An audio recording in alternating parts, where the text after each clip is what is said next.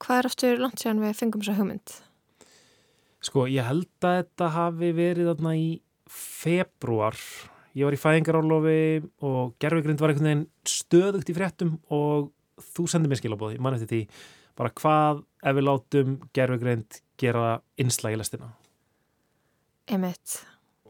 Og síðan þá hefur þessu hugmynd kannski aðeins stekkað. Tilstendur að framleiða heilan útvarpstátt með gerfi grind og útvarpa ára á seitt í næstu viku. Uh, við erum búin að lofa að gera fyrsta íslenska gerfugrindar útastáttinn. Við skiljum ekki gerfugrind, við erum ekki forritarar og við höfum ekki hugmynd um hvort þetta sé yfir höfuð hægt. Nú erum við með gerfir greind og, og við hefum eftir að brenna okkur einhvern veginn á henni. Þannig að jafnveg sérfræðingarnir eru að klóra sér í hausnum. There's an AI that's able to replace them. Aldrei þetta gæti orðið áheyrilegur útastátt. Já, ég sé ekki ástæða okkur það ekki geta orðið raunin sko. Ég er bara 100% sem þetta verið umulagt. Þú veist, hún bullar ekkert mjög mikið, hún bullar alveg smá sko. Við bara gefum út talgerulana ykkar og svo bara þurfið þið aldrei að vinna í útvarpi aftur. Er þeir kannski bara að stela hugmyndin okkar? Guttar sem eru á ból og kafi í þessu, þeir náttúrulega eru svolítið að vinna með að sjá einhverja draumadísir sko, í bygginjum. Eða ekki bygginjum. Eða ekki bygginjum. bara hvernig veit hún hann eða það? Hver ég er og hvað ég er að gera og okkur vil hann tala um mig. Að röttin okkar verið aðgengileg öllum til að nota mjög það ógeðslega fáranlega. Hún sagði við mig að þetta væri leit út þess að það var gert úr skrifað með gerfigrind. Þessi grind sem við erum með núna, hún er í rauninni gerfi-gerfigrind. Við ætlum að láta gerfigrind gera allt, velja viðfónsefni, taka viðtöl, skrifa handrit, semja tónlist og flytja heilan 50 minna lestarþátt með okkar röttum og þessi þáttur fer í loftið á 50 dag vonandi. Taka myndið að þessu. Ok um, fyrsta, hvað hva hann að gera eftir þessi maður sem við erum að fara að hitta? Hann vinnur við það er góð spurning, en hann er allavega hjá miðein við erum að keira niður á Granda. Til að koma okkur af stað hafði ég heyrt í gömlum samstagsfélag af Djevaf sem að vinnur núna hjá miðeind Fyrirtæki sem er reglulega í fréttunum vegna vinnu sinnar með máltækni og gerfigreint. Til dæmis bygguðu til hérna íslensku seri, rattþjónin Emblu. Þau, þau eru sérfræðingar í um, þessum stórum mállíkonum.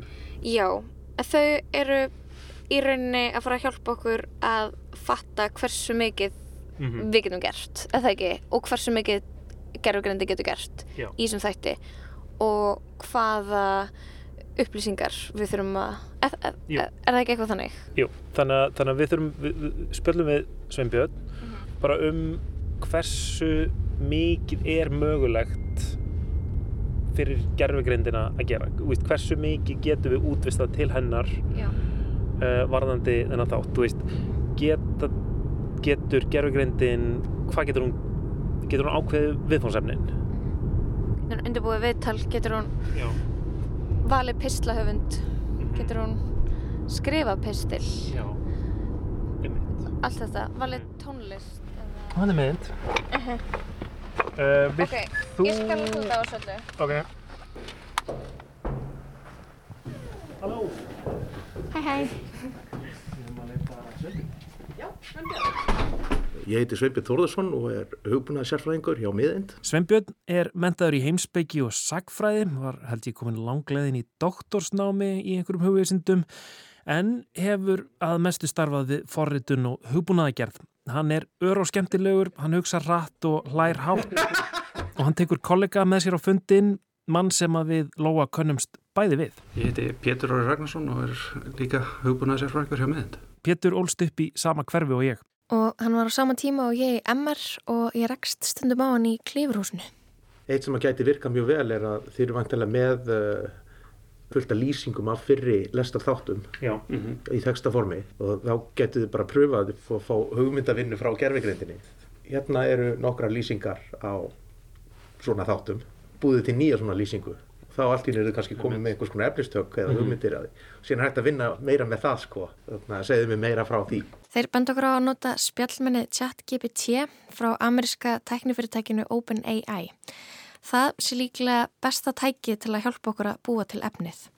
Þetta spjallmenni, þessi skapandi gerfigreind, spunagreind, generative AI hefur reglulega verið í frettunum frá því að það var opnað almenningi í lok síðasta árs. Já, það verist þeirra margfalt betra í að spjalla heldur en flest önnur spjallmenni hinga til. Það hefur staðið lögmannspróf, það hefur verið notað til að skrifa háskólaritgerðir, það hefur forritað vefsíður og fjórða kynnslóð þessa spjallmennis GPT-4 talar alveg þokkalega íslenskum þökk sé samstarfi OpenAI og miðindar.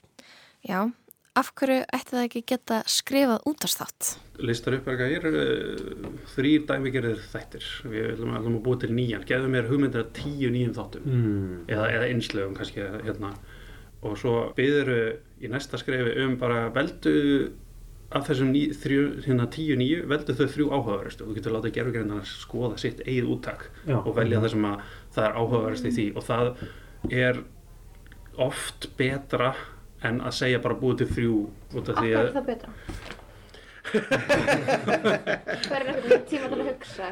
Það, já, það er eitthvað svona, þú getur, hérna, hvað maður segja, þú getur manngert þetta og sagt að það hafi tíma til að hugsa meira en hérna, þetta er svolítið svona svartboks og þetta er svona, kemur svona reynsla aðtiliránum er að, að, að láta það, sko, spinna eitthvað svona áfram og, og skoða aftur og endur meta það sem það bjóð til áður virkar alveg skugglega vel. Sérstaklega í GPT-4, það virkar ekki alveg eins vel í þannig að chat GPT útgáðan en í GPT-4 útgáðan virkar það alveg skugglega vel. Og þá getur þau fengið þetta er svona þú veist, þetta er svipað að sumuleitu að tala um manneski þú segir, kóta með tíu hugmyndir og við veljum þrjá bestu mm. en þú getur bara látið velin að gera það fyrir þig mm. þá þú veist, þá þarf þú ekki að velja þú veist, þá komið meiri part af þættirum er Já. hérna velgerður og getur samt fengið betri þátt með því að láta það búið til fleiri hugmyndur og henda svo þeim lílu En erum við, þú veist, þurfum við þá eiginlega að láta hann að fá þáttalýsingarnar á ennsku til þess að skilja það betur Ekki nöðsynlega Ef þú átt að til, en ég myndi prófa það í íslensku fyrst sko. Ég myndi prófa það í íslensku fyrst. Út í hún skilur íslensku en talar ekki góð íslensku. Nei, mhm. akkurat, akkurat. En, en myndu þið þá eitthvað, þú veist, ættu við að, að byggja hann um að Nei, víst, við verðum að fá, fá þetta í íslensku.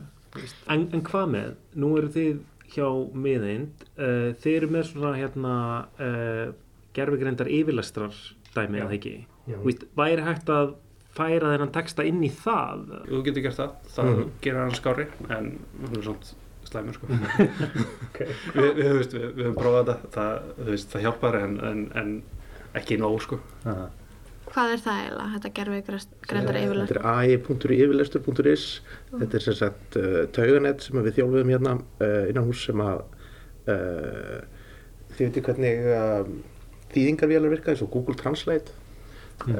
Þetta er í rauninni svipupæling nema það er verið að þýða frá rángri íslensku yfir á rétta íslensku sem er mm. prinsípina verki það grýpur þá falsíki og þú veist það vantar enn og eitthvað svona mm. veist, þetta lagar alls konar villur sko mm. já, já. Þetta, er, þetta er glettilega gott faktíst Já, það er nokkuð góður í svona einföldum stafsendingavillum og, og líka í svona svona einfaldara þar sem er eitthvað svona mm -hmm. en, en vandamáli kannski með uh, GPT er að ef það kann ekki eitthvað íslenskt orð yfir eitthvað mm -hmm. þá á það til að bara að skálda eitthvað sko, þarna það er faktist, það leitur ofta að innblæstri í hinnu Norðurlandamálunum það er svolítið fyrtið sko. Já, mitt, það er mjög skemmtilegt mm -hmm.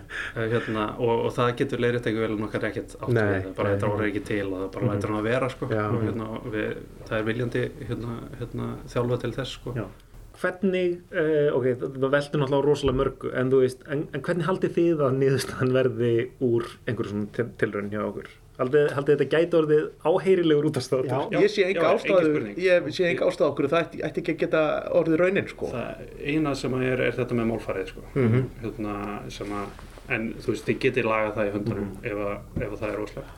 Er það eina sem þið hefur ágjörð? Það er eina sem ég hefur ágjörð. Hitt er allt bara spurning um að þið eða náðu mjög tíma í að læra á verkfærið. Sko. Mm. En ég finna, ok, myndi beða hann um að skrifa eitthvað, eitthvað pistil með pælingum sínum sem er eitthvað sem við gerum.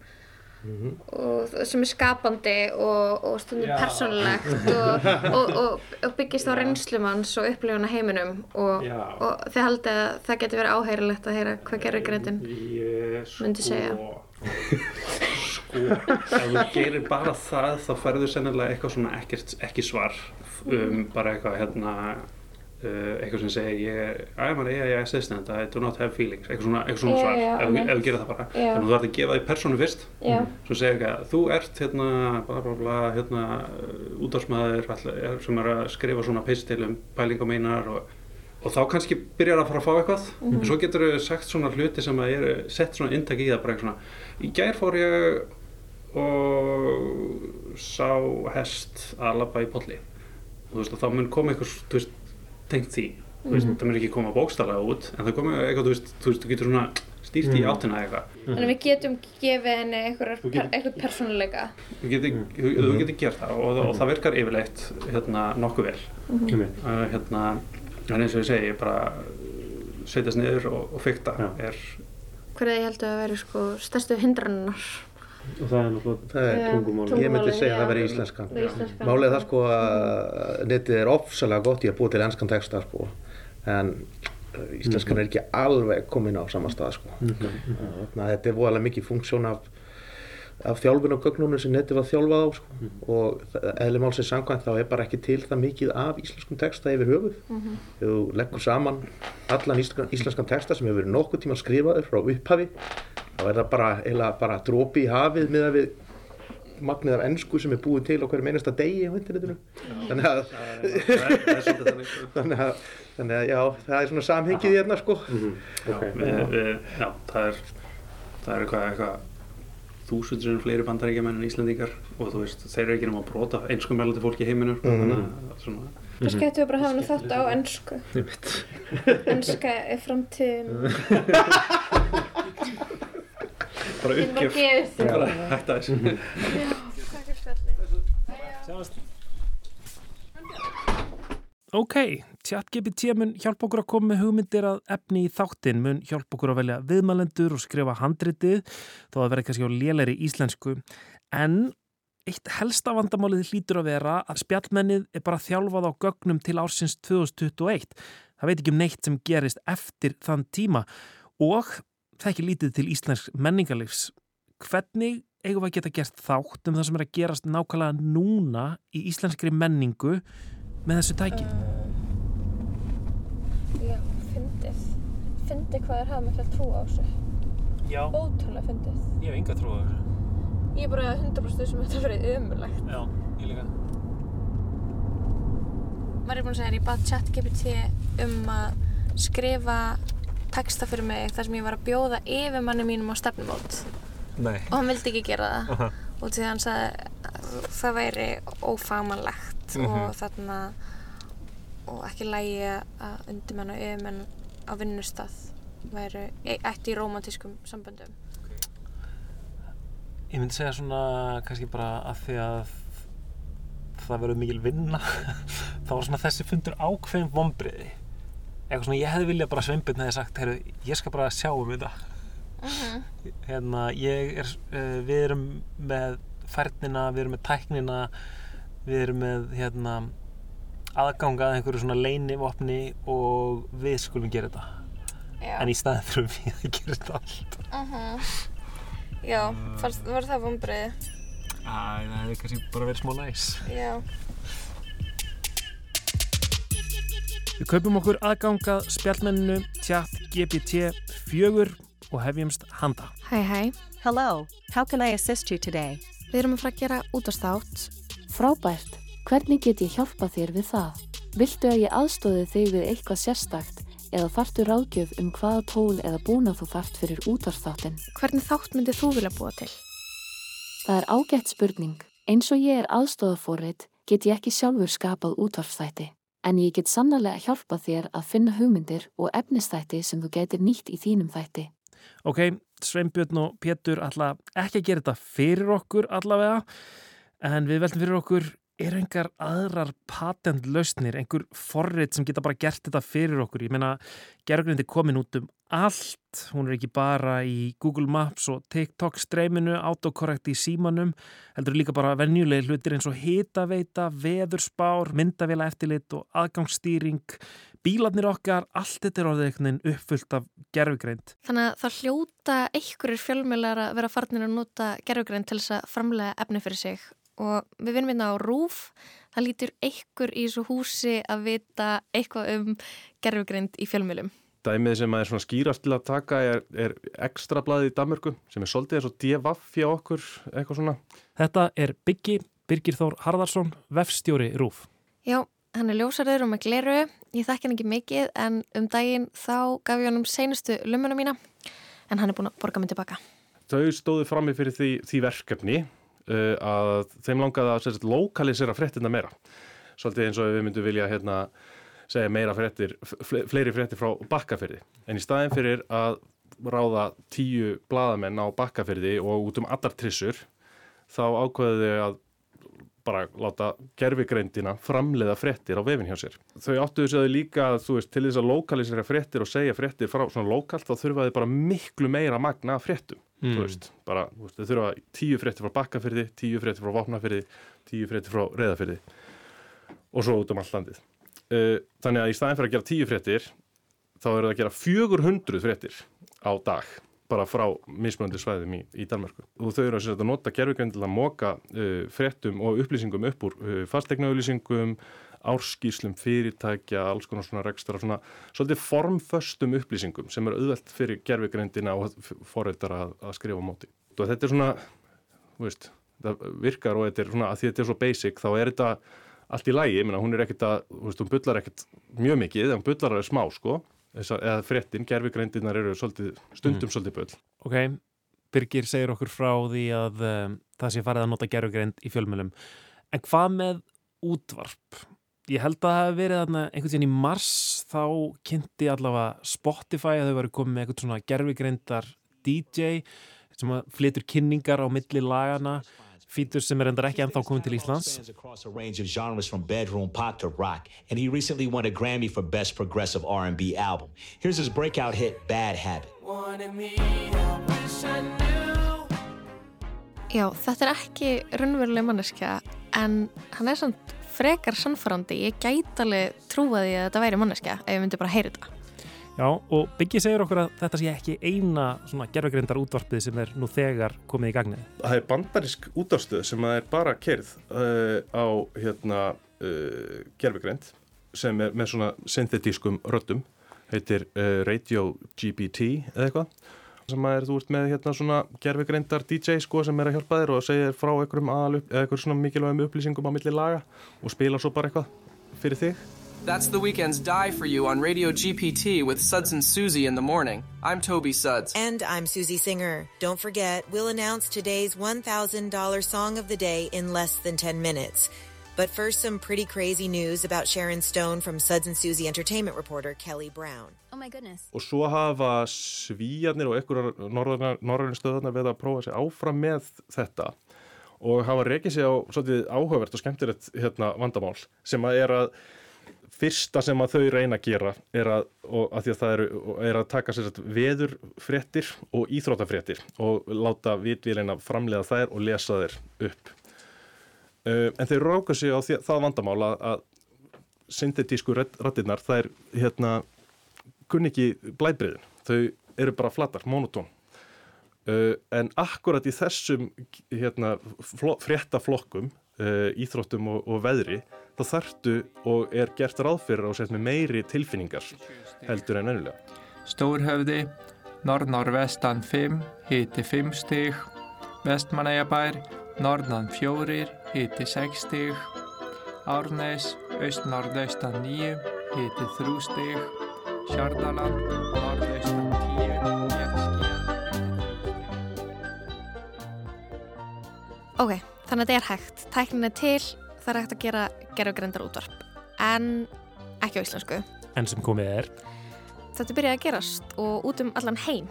Umræðan um það er farin á stað á meðal útvarsfólks og fyrir algjöra tilviljun þegar vorum að vinna í þessari sériu þá rákust við á Casey hér á RÚF Ég heiti Casey Morell and I am a producer with the NPR Politics podcast, a daily look at American politics from Hann var stattur í frí á Íslandi en Casey vinnur við eitt uppáhalds hlaðvarpi mitt sem er NPR Politics. Og hann vinnur fyrir stjættarfélag útarsfólks og þau eru byrjað að velta fyrir sér gerfugrind. Við sögum honum frá hugmyndin okkar um gerfugrindar útarsþáttinn og seríuna sem við erum að vinna að og spurðum hann hvað honum fyndist. Um, I think it's a really interesting idea. as a journalist, I would worry about being made redundant by AI also. But I think what will be interesting is seeing if people can tell the difference between what the AI is able to create and what you're able to create as journalists yourselves. Mm -hmm. Ok, þannig að Casey, hann er hrifin af hugmyndin okkar um hennan þátt og sériu sem segir frá ferðalæginu. Það er geggjað. Hann er aðalega spenntur að heyra hvort að fólk muni geta heyrt mun á því sem að gerfugrendin framleiðir og svo því sem að við framleiðum og hann segir þetta verið eitthvað sem hann sem bladamæður er meðutar um hættuna á því að gerfugrindin gera hann óþarfan. There are concerns in the US that a radio host who's been on the air for a long time, obviously there's a lot of language that they can take from, from the recordings, from the archives, and you could give it to an AI and type out a script and make that host, you know, say whatever you want it to say. Mm -hmm. um, whether that's to replace them while they're on vacation, or if there's breaking news, or to just Hann segir að vera bara orðin raunhafan möguleika og þar leðandi óta meðal starfsískina sinna í bandaríkjunum að það verði hægt að nota upptökur af útarsfólki til að skapa talgerla sem geta þá verið látnir lesa hvað sem er, kannski lesa á hólmi í sumafríinu, lesa stórfréttir þegar enginn er á vakt, já, eða bara losa sig algjörlega við þá. Tæknin er allavega til staðar og fólk er hægt við þetta. En Casey segir að enn sem komið er, telja hann talgerluna ekki geta búið yfir sömu hlýju og persónuleika sem að mennska rattir hafa. Og meðan fólk getur ennþá greint aðná milli, þá sé hann ekki vissum að fólk muni laðast að gerfugrindar útvarpinu. you did it. And until we get to that point, which thankfully we're not there yet, but until we get to that point, I think it's it's still a, a bit of an open question. Þetta var Casey Morell sem vinnur hjá NPR í bandaríkunum. Um, ég er búin að vera að hugsa mikið um þetta mannlega. Það svona finnst mér svo augljóst að, að gerfugrendar útvarp geta ekki einhvern veginn leist útvarp af hólmi uh, út af því að við viljum heyra í manneskum og við viljum finna fyrir hennu mannlega mm -hmm. og þó, þó við séum með eitthvað sem er mjög líkt í þá held ég að það sé bara ekki hægt að leika það alveg eftir en svo er ég bara búin að hugsa um veist önnur störf þar sem, sem gerðugrendin getur tekið við og, og, og mörgum stöðum er það að byrja að gerast eins og bara í banka og ringir í banka uh, Eh, eða bara í ykkur stopnun flugfélag. Já, og farið fyrst að tala við veist, af hverju viljum við ekki mæta manneskum þar líka? Mm -hmm. Já, einmitt, rifjast upp bara hérna sketsin úr hérna bresku grínþáttunum Little Britain þar sem er eitthvað svona skrifstofukona sem að er að hérna eh, kunnar koma til og hún segir alltaf alveg sama hver fyrirspunnin er það er alltaf bara computer says no tölvan segir nei. Og tölvan er einhvern veginn algjörlega eitthvað svona ómanneskjökulegt fyrirbæri sem að hérna sem stýrir bara ákvarðanatökunni. Og við erum alltaf bara að fara inn í eitthvað þannig að Veist, það er ekki einu sem þessi skrifstofukonna sem þú getur talað til og veist, reynda höfða til mennskunar í henni bara eitthvað svona reynda láta hann að sjá þína stöðu sem er einstök og, og, og eitthvað þannig. Þú myndi alltaf mæta bara einhvern veginn spjallmenni sem er bara fyrirfram forreitað til þess að segja já eða nei eftir hver fyrirspunnir er. Nákvæmlega. Og þó þetta sé ekki eins og spurningum já eða nei þá og, og, og svona hvort þú fáir hjálp eða ekki þá er þetta líka bara spurningum þetta fækkar því bara hversu margar manneskjur þú þarfst að hitta í samskiptum við á hverjum mm -hmm, degi um, ef þú ert eitthvað í ykkurum erindagjörðum og þú heitir bara spjallmenni Já, og fer bara út í búð og, og uh, skannar og skundar og, og svo hérna ferðu eitthvað náttúrulega að kaupa eitthvað í bílalú og þá er bara spjallmenni sem svarar og bara Já, og svo pantur þau bíl í gegnum app mm -hmm. og kemur sjálfkerrandi bíl eða bílstjóri sem að tala ekki neitt við þig svo að þú gefur hann háa stjörnugjöf mm. Minnst það bara eitthvað svo einmannuleg tilhugsun Svo setur þú bara headphone á þig og hlustar á gerfugrindar lestina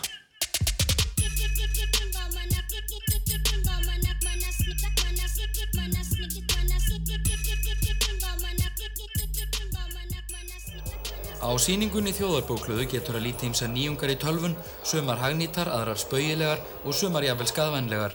En ungskáldin mega aldilis fara að vara sig því nú er komin fram á ritvöllin tölva sem gerir hvortveikjað yrkja ljóð og fara með þau. Eða hvað finnst bókaþjóðinu um eftirfarandi ljóðlínur?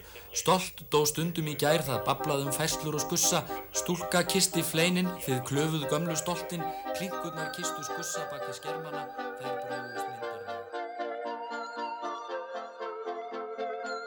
Segð mér frá útastættinum Lestin á rás 1.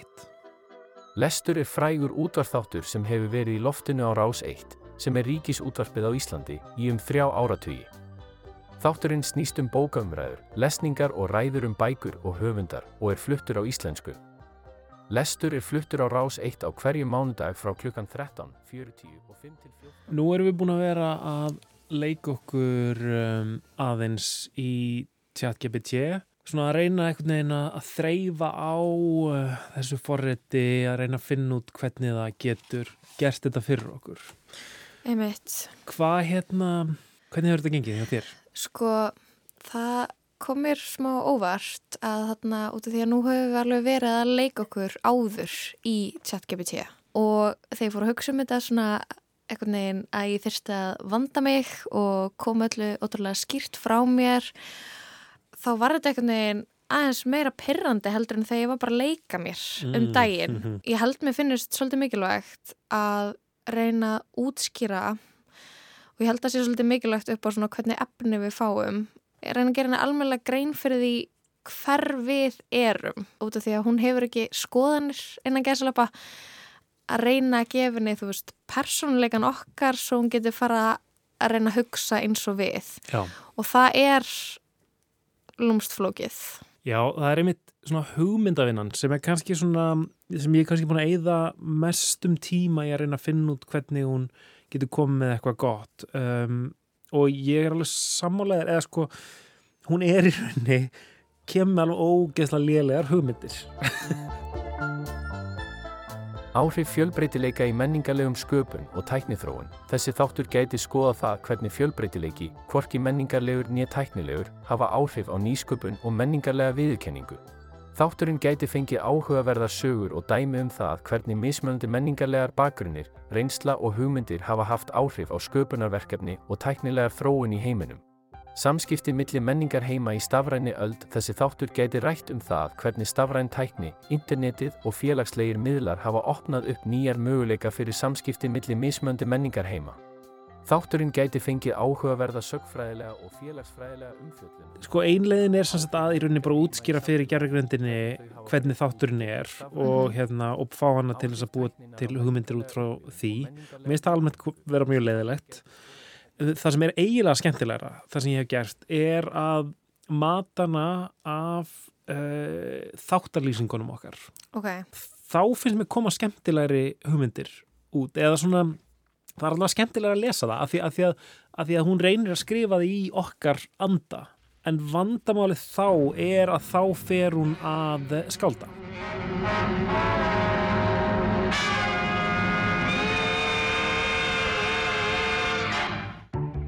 í lestinni í dag. Við heimsækjum nýtt listamennskuhús sem nýlega opnaði í miðborg Reykjavíkur. Húsið sem ber nafnið Ljósmyndahúsið býður upp á stóran rými fyrir ljósmyndalistarverk. Áslögu Magnúsdóttir er einstakur pöttuleikari sem er eftir margar ráðstöfunar. Hún segir okkur frá þeirri ánægu sem hún finnur í pöttuleiknum og deilir þó einnig sögunum bak við tjaldið. Við heimsækjum listamannin Ólaf Ólafsson í galleri nýlist við laugaveg. Sýningin hans í skugga fyrirferða, skuggamyndir og sjálfspeglun opnaði í gær. Ólafur, sem er einnig þekktur undir listamannafninu Eilífur Óska, tekur þátt í mörgum listasamsetningum. Þetta er áhugavert. Þetta er sko. áhugavert. Sko. Ef Ólafur Ólafsson væri til, ef Galleri Nýlist væri til, þá, mm. þá væri þetta áhugavert. En vandamáli er að eða ég ef að stórlega um að Ólafur Ólafsson sem kallar sig Eilífur Óska sé með síningu í Galleri Nýlist. Ok, sko, þarna ég er líka búin að vera að hugsa um þetta. Eigum við að leifin á bylla? Já, það eru auðvitað erfitt að eh, taka viðtal við Ólaf Ólafsson sem kalla sig Eilífur Óska því að hann er ekki til. Já, ég veit það ekki, þú veist, ég held að, held að við gætum alveg líka sko tekið viðtal við raunverulega einstaklinga, sko, þú veist. En, en það er kannski hægt að fara eitthvað milliveg, þú veist, og svo er hún líka sting upp á, þú veist, umfjöldunum um bíómyndir sem er ekki til, til dæmis ég meina það væri alveg hægt að láta hann skrifa kveikmyndagagrinni fyrir bíómynd sem er ekki til, ég veit það ekki Einmitt. þannig ég held að við getum að lefta henn að bylla en, en það er svona spurning hvort sko til þess að reyna að um, skoða möguleganar sem best hvort að við þurfum ekki eitthvað að rittstýrenni frá byllinu sko, allavega í einhver minnslu Já, mm -hmm. já, ok, ég er sammálað því ég er sammálað því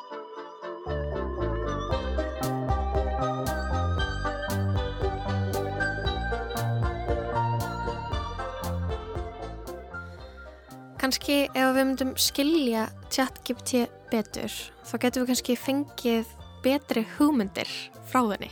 Halló? Já, halló. Ég heiti Kristján, blessaður. Sæl Kristján, sæl. Ég heiti Lóa. Lóa. Sæl Lóa. Hæ. Ég ger eitthvað nefn ráð fyrir að þið þekktust. Nei. Þið hefur aldrei að tala saman að Nei, nei, ég held ekki. Nei, ok. Til að átt okkur betur á þessari tækni þá erum við búin að ringja í Kristinn R. Þórisson sem hefur lifað og hræst í gerfegrindar heiminum frá 1985 lært hjá helstu frumkvölum þessara tækni hann var að hugsa um þetta löngu áður en allir fóru að spá í þessu Núna er hann prófessor í tölvunafræði við Háskólan í Reykjavík og einn setur sinns í HR Ég er í Kaliforníu. Mm Í hvaða borg? Ég, ég er í Berkeley, bara rétt fyrir norðan San Francisco. Er svona rétt í útkantinum á. Búin að hitta mikið af mönnum í Patagonia flýspessum. Uh, ég kom nú bara í gær, sko, þannig að uh, ég býst við að það gerist, en, en hérna, nei, ég get ekki sagt það. Sessvið hans er alliða gerfigrind Artificial General Intelligence spurningar um hvenar gerfigrindin verður raunverulega greind en verður ekki bara með mjög sértæka kunnáttu. Við höfum reynda fyrir einhvern miskilningur að kalla hann Google Kitta en um, ég held að hann hafa aldrei unni hjá Google. Það lítur að vera einhver annar gaur. Samkvæmt þjóðarpúlsi Gallup telja Íslandingar sig almennt hafa litla þekkingu á gerfigrind en sjá þó frekar tækifæri í henni en óg. Er eitthvað leið fyrir bara venjulega manneski út í bæ sem að vinnur ekki við þetta svið að skilja hvernig gerfigrind virkar? Hvað raunverulega gerist? Hvað þetta raunverulega er? Það er hægt að skilja greind á, á, á margan hátt en líka á, á mismundi flækjustíðum og við getum sagt að, að almenningur kannski skilja alveg ágætlega hvað jarðskjáltar eru. Það er að segja ef ég er í einhverju háhísi og, og það verður mikil jarðskjálti þá hristist allt á skelfur og ég vil hillurna rinja og svo framvis. Kannski best að koma sér út úr, hús, út úr háhísinu sem fyrst og svo framvis. En við, við erum náttúrulega ekki jarðfræðingar og til þess að skilja nákvæmlega hvað gerist og þetta flesta sem gerist að ímsar hliðaverkanir af jarðskjáltum svona jarðfræðilegar hliðaverkanir sem, sem er hægt að kunna og skilja en skipta kannski ekki likilmáli uh, en samt sem aður það sem skiptir likilmáli kannski í jarðskjáltum er jafnvel það flókið að það tekur mörg ára að læra það. Og þannig er kannski svarið við spurningunni getur almenningur skilið hvernig þessar vélar sem hefur verið að framleiða í dag sem við kallum gerfigreindar vélar hvernig það virka? Og ég held að svarið sé já, í grunninn allavega nei. Það krefst margar, margar ára. Það sem er aðeinsverð kannski með gerfigreindina er að framfæraðnar í sko, í hagnitri gerfigreind eru það hraðar að uh, jafnvel sérfræðingarnir sjálfur ná ekki að fylgja eftir algjörlega öllu því sem er að gerast.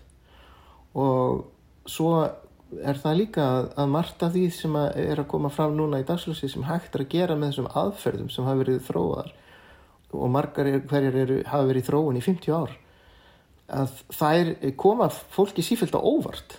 Um, þannig að jáfnveil sérfræðingarnir eru að klóra sér í hausnum og reyna að skilja nákvæmlega af hverju þetta virkar og af hverju þetta virkar svona og oft aftur af hverju þetta virkar svona vel Ok, við skulum samt gera allu að þessu ef við byrjum bara á þessari fárunlega hröðu þróun undanfærin ár, ekki bara ChatGPT, heldur líka gerugreind sem býr til ótrúlega runnulega myndir, gerugreind sem semur tónlist, sjálf, sjálfkerrandi bílar og svo framvegis og svo framvegis. Hvað er eiginlega í gangi? Þessar rannsóknir og sérstaklega þróun, hugbúna þróun sem hefur verið að gerast núna síðustu kannski tíu árin. Hún byggir á ákveðnum þáttum sem að hafa komið saman á, á, á svona einum tímapunkti ef við getum sagt að áratugur sí tímapunktur. Það eru ákveðin svona nöðsynlegar fórsendur e, þessa framfara í hagnindri gerfugreind sem að um, ef, te, ef maður tekur burt einn þessar þáttar þá, þá gerist í rauninni ekki neitt. Og hverjir eru þessir þættir? Fyrsta lagi að það eru aðferðir sem, sem að byrja að þróa upp úr sjönda áratugnum á síðustu öld svo kallu gerfi tauganett. Ok, nummer eitt, gömul aðferð er tekin upp á ný gerfi tauganett. Ásamt reiknigetu sem hefur náttúrulega verið í þróun alveg frá því að fyrstu tölvurnar, rafrænu tölvurnar koma á sviðið. Tvö, stöðugt betri tölfur, stór aukin reikningeta. Og svo er það þriðji þátturinn. Og það eru gögnin sem eru að hluta til aðgengileg í þessu magni sem þau eru af því að þau eru í fyrsta lega á rafrænu formi og í öðru legi aðgengileg á netinu. Ok, allt sem við gerum á netinu því að sapna saman, gögnin sett inn í gerfitöganet sem eru kerð áfram á ofurtölfum með gríðarlega reikningetu en Kitty bætir við fjörða þættinum, tæknir í svonum. Það er að segja alveg gífurlegt fjármagn í tæknisviðinu sem sapnast saman á, á rétta staði, réttra, uh, já, eftir hvernig maður horfir á það, rétt, í, í ákveðna manna hendur. Þannig að þessi, það var, það var í rauninni útilókað að sjá þetta fyrir, nákvæmlega að þetta yrði svona og sérstaklega þá kannski að, að þetta myndi ná sko ímyndun uh, almennings á þennan hátt sem það hefur gert. Já, kollegar geta er ekki lengur litnir hortnöga fyrir sínar vísindaskáldsögulegu pælingar því allt í einu er gerfugrind komin inn í almenna umræðu. Ömmur og barnabörn rökræða hvort vitvelar munu tortíma mannkininu yfir pönnukökunum og þetta kemur gerfugrinda sér frá einhverjum á óvart. Já, af hverju fór umræðan ekki þangað þegar Blue varð fyrsta tölvan til að segra heimsmystara í skák árið 97 eða þegar Watson var fyrsta tölvan til að segra spurningalegin Jeopardy árið 2011. Spenningurinn fyrir þessari nýju gerfigreindar sprengingu kviknaði að sögn Kristins fyrst árið 2015. Þegar Google í rauninni síndi fram á að þeir gáttu fundið kattamindir með vél, alveg sjálfvirt. Augu, augu sérfrængana opniðist þá kannski og, og síðan augu almennings núna nýlega. En ok, chat GPT, hvernig virkar þetta? Svo tækni byggir alfarið á aðferðfræði sem að kalla skerfi töganett og á voðalega lítið samægilegt með náttúrulegum töganettum. Sem sagt heilum. Þrátt fyrir nafnið. Það var vegna þess að upprunlega byrjuðu þessar rannsóknir eða sprutt upp, upp úr þeirri spurningu hvernig getum við búið til vél sem, er, eh, sem virkar eins og, eins og tauganett, eins og, eins og taugar, taugafrömmur og eh, hvernig búið við til svona samtengdar taugafrömmur þannig að það verður til svona eins konar net og er það hugsanlega uh, svarað við því hvernig maður býr til greinda vel. Fyrstu tilrauninnar með þessa tækni voru gerðar á sjötta og sjönda áratögnum en frumkvölarnir rákust á ymsa vankanta. Þessi aðferðafræði hún byggir fyrst og fremst á tölfræðilegum aðferðum þar sem að gífurlegt magn, uh, við getum sagt bara stilli takka, stilli nappa. Ég myndi að það er alveg risastóra töflu með tökkum sem hægt er að snúa og það er ákveðuna reglur um það uh, þegar uh, gögnin koma inn og þú vilt til dæmis kenna svona, svona vel uh, að þekkja ákveðin fyrirbæri á myndum. Þá sínur því mynd og svo sérðu hvað svarið er og þú sagt, sem smíðar þessa vel þú veist að þú vilt hún segja að þetta sé mynd af skíi eða mynd af mannesku og þú sérð hvað hún svarar og þá fylgjur ákveðnum reglunum það hvernig þú stillir þessa nappa og uh, í chat-GPT eru miljardar af nöppum.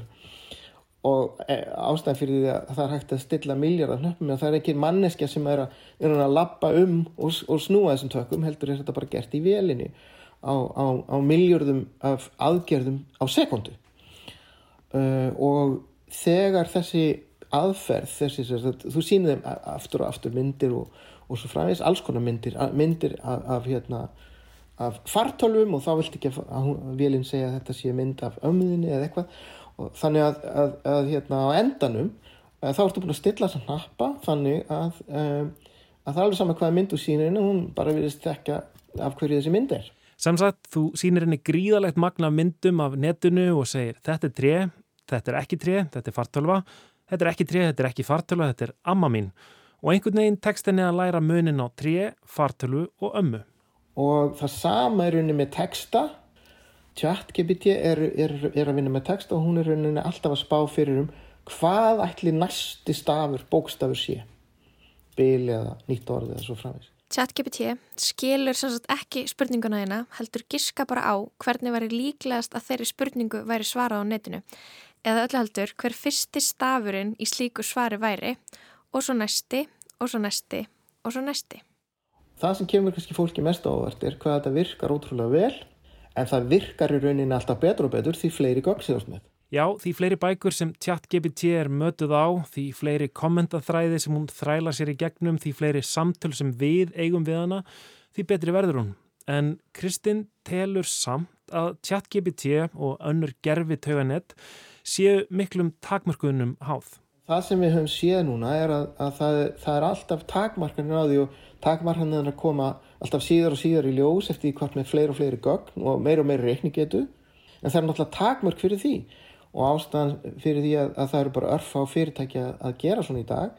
Uh, þó að margir sé að gera tilrunni með smerri gagnasett þá eru náttúrulega þessi gagnaresar eins og Google og Meta og, og Apple er að, er að vinna með svo gífriðt magngagna að þau hafa séns að gera lang, lang bestu af svona kerfi þó þau séu ekki fullkominn. Þar sem að í rauninni maður rekur sig á vegg, það er eins og til og með hjá Tesla sem eru búin að lofa því allavega 6 ár að á næsta ári komi sjálfkerrandi bílar en svo um, færist það alltaf aftur um eitt ár per ár eh, af því að þeir finna alltaf einhverja galla þá segja ég, við þurfum bara að safna meiri gögnum, við þurfum bara að safna meiri gögnum, við þurfum bara að safna, fá meiri reikningetu, uh, við þurfum að þjálfa það aðeins öðris, við þurfum að þjálfa það aðeins lengur og svo framvegis, en aldrei virðist þetta taka enda. Og þá spyr maður sig, uh, teoretist séð, munið þetta taka, mögulega að taka enda þegar við erum með nægilega mikið gögnum, en hvað er nægilega mikið gögnum? Það eru óendalega margar kringustæður sem geta komið upp þegar maður er að keira einhverju nýju vegi, einhverju nýri borg. Um, það er bara óendalegt þannig að uh, já, þegar við höfum óendalegt gagnamagn, óendalega reikningjönd og óendalegt vinsluminni Þannig að eins og sjálfkyrrandi Teslan sem þarf alltaf örlíti meira af gögnum til þess að geta brúðist við öllum aðstæðum þá þarf ChatGPT alltaf aðeins fleiri textarunur en aldrei munið takast að skilja textan. Í þessari tekni, þessari nálgun, já og uh, ég var að koma af ráðstöfnu í Stokkólmi sem heitir Artificial General Intelligence Conference. Það er svolítið alliða gerfugreinda ráðstöfnun og þar uh, eru menn nánast á einu máli um það að uh, þó þeir sé ekki sammálu um það hvaða leið við þurfum að fara til þess að búa til vél með alvöru greind að þá er þetta ekki leið Hugsa reikningsvélar Sumi sérfræðingar svara fyrir spurningu játandi, aðri neytandi. Eikinn, prófessor við Harvard Háskólan, viðurkennir að vélum svi, þessum svipi í öllum meginatriðum til manns heilans að einu undanskildu, þær hafi ekkert ímyndunarafl. Hann getur ekki skilgreint hvað ímyndunarafl er, en hann fullirðir að það sé til og engin vél hversu gáfuð sem hún verði getur nokkur sinna öðlast það.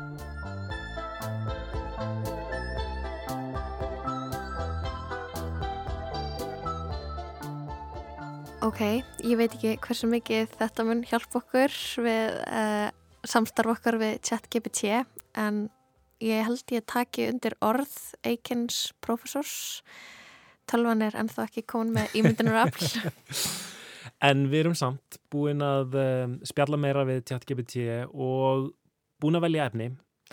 Já, við erum Lóa. búin að velja efni. Já. Hvað, hérna, hvað var það besta sem að þú fjagst upp úr vélni? Herðu Eftir uh, margar tilrönir og margar ólíkar aðferðir þá held ég að ég sé kominu með efnið sem að uh, ég mun leggja til í gerðugrindar lestina. Það er viðtal við sögu sig ljósmyndara. Pælingin hjá ChatGPT var svo að tala við tísku ljósmyndara sem að vinnur með íslenskum hönnuðum og tekur ljósmyndir sem að augra hefðbundnum fegurðarstöðlum okay. og nefndi þá sögu sig í því samhengi. En þá eru margar góðar uppastungur frá henni líka eins og viðtalvið Hrafnildi Arnardóttur, Sjóplöfter og, og Erni Ómars dansara, mhm. dansöfund mm -hmm. um, en, en ég held að ég sé að fara að fá sögu sig. En þú Kristján? Já, eftir að hafa gefið henni mörg dæmi um, um hvernig lestinn á að vera þá uh, eh, fekk ég tíu efni frá henni og um, ég baði henni um að velja besta efnið og það sem hún valdi var frekar góð hugmynd bara breytingar á fjölmjölanlandslæginu á stafrætni öld. Já, einmitt, þáttur sem við erum búin að gera. Já, sem er eiginlega bara nokkrir mánuðir síðan við gerðum. Ok, þannig að hún skilur okkur. Hún skilur okkur greinilega, við erum greinilega mjög uh, fyrirsjáanleg. En þannig að ég sagði ok, við erum búin að gera það veldu annað og þá fórum bara eitthvað skáld upp og skáld eitthvað ný uh, hérna viðfónsefni sem voru ekki upprunulegu viðfónsefni þannig ég baði hann um að fara aftur í upprunlega listan og uh, þá valdi hún eitthvað tengt gerfugrind en við vorum eiginlega búin að ákveða að fjalla ekki um gerfugrind í gerfugrind á þættinum, það var eitthvað of meta, meta. En allavega, niðurstaðan var, hún stakk upp að því að við myndum tala um þróun streymistþjónusta og hvernig þær hafa haft áhrif á tónlistar yðnaðin og hvernig við neytum tónlistar við ræðum jákvæðu og neykvæðu hliðarnar. Já, þetta er eitthvað sem kemur oft upp í spjalli okkur reittstjórnarfundum. Við erum í rauninni alltaf einhvern veginn á leiðin að gera eitthvað svona þátt.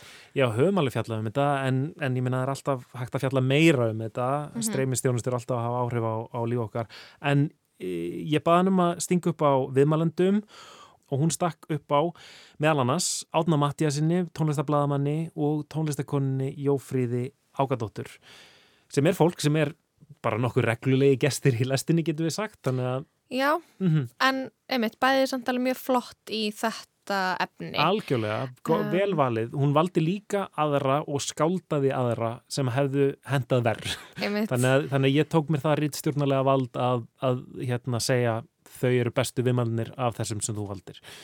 Þannig að svona smá svindl kannski, ég veit það ekki. Já, en nú er bara vona að þetta fólk sé til í að vera með í svona þætti að þau sé til í að koma í viðtal hjá gerfegrænt. Já, e eru við samt að fara að segja um það eða Já, við þurfum kannski að ákveða það.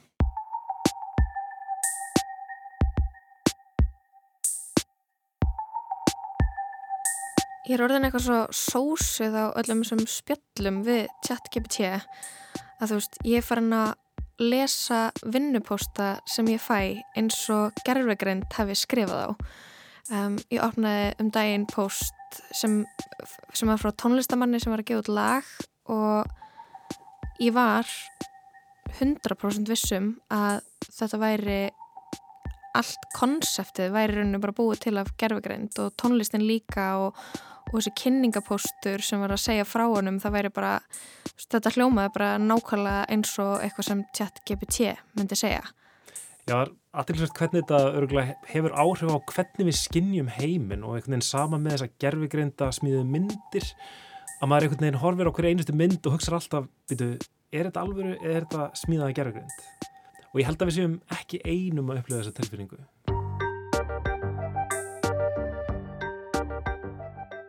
Ég heiti Eldur Miskvi og ég er í nýjendabæk.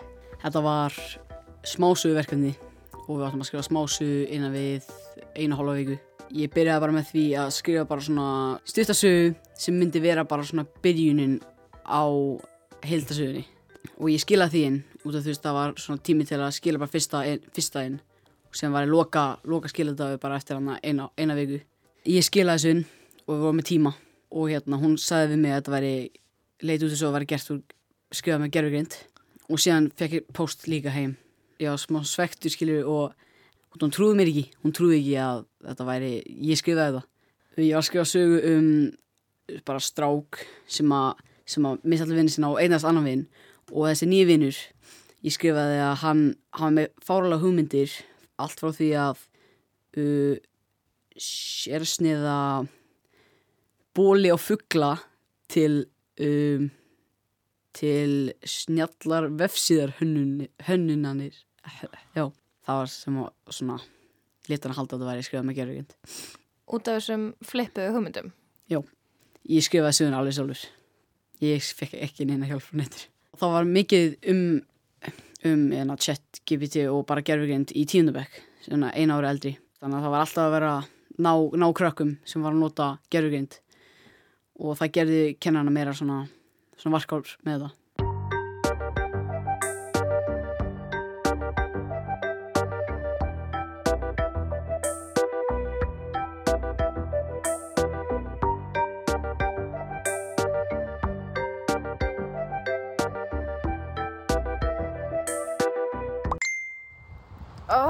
Krakkar, ég er með slæma fréttir.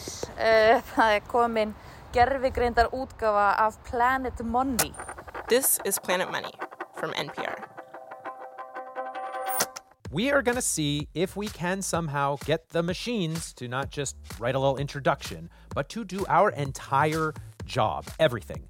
Do our research for us, interview real human sources, pull everything together in a, a creative, entertaining way. Uh, all of these tasks that we were hoping were uniquely human tasks that couldn't be automated. So, this is going to be a series. We're going to have three parts. And you know what? Hey, ChatGPT, can you write us like an introduction for a Planet Money Þetta var Anna Marci, reittstjóri hlaðvarpa hér á Rúf, fyrrum þáttastjórnandi lestrannar og góð vinkun okkar. Við erum búin að vera að ræða við hana um þáttinn og fá aðstóð frá henni. Og hitt var byrjunin á ógíslega vinsalum og frægum þætti oh á NPR sem er nákvæmlega eins og þátturinn sem við erum að gera. Vist, þetta, er, þetta er ekki bara svipuð hugmynd sem þeir eru að framkoma þarna. Þetta er ekki bara gerfugreindar þáttur heldur er þetta heil seria þar sem að þeir eru með þrjá þættið sem fylst með ferðalæginu að gerfigreindar þættinum sem að líkur síðan seríunni og svo eru þeir með eitthvað svona uh, fá okkur að sérfræðingar til að hlusta á þáttin uh, og gefa komment nákvæmlega eins og við vorum að pæli að gera. Þetta er allt nákvæmlega sama og við vorum búin að ákveða að gera í þessari serju Einmitt, og þú veist ég er allavega þar veist að ég bara að ég þarna um, oh tilöksun um að fólk haldi að, að þú veist að við hefum stólið þessu er eitthvað neginn meðst hún svo óbærileg. Mm. bara það er eitthvað neginn það versta sem ég geti ímyndað mér er bara já uh, þetta er bara stólin hugmynd af Planet Money en á Planet Money ég veit ekki þetta er NPR skilur það er allir að hlusta á This American Life mm -hmm, og NPR mm -hmm. Politics og uh, Býtu já, eða þú veist, ég veit ekki. Eða veist, er það kannski er það kannski bara málið að, ég, að við séum ekki að stela hugmyndinu er þeir kannski bara að stela hugmyndinu okkar er NPR Casey er frá NPR Já, þú veist, hann var hérna mánuði áður Við vorum að segja hann frá þessari hugmynd. Já, eða þú veist Er þetta grínast? Já, eða þú veist, kannski. Oh my god. Ég veit ekki, þú veist, hvort að þú veist, við hefum bara beila á þetta því að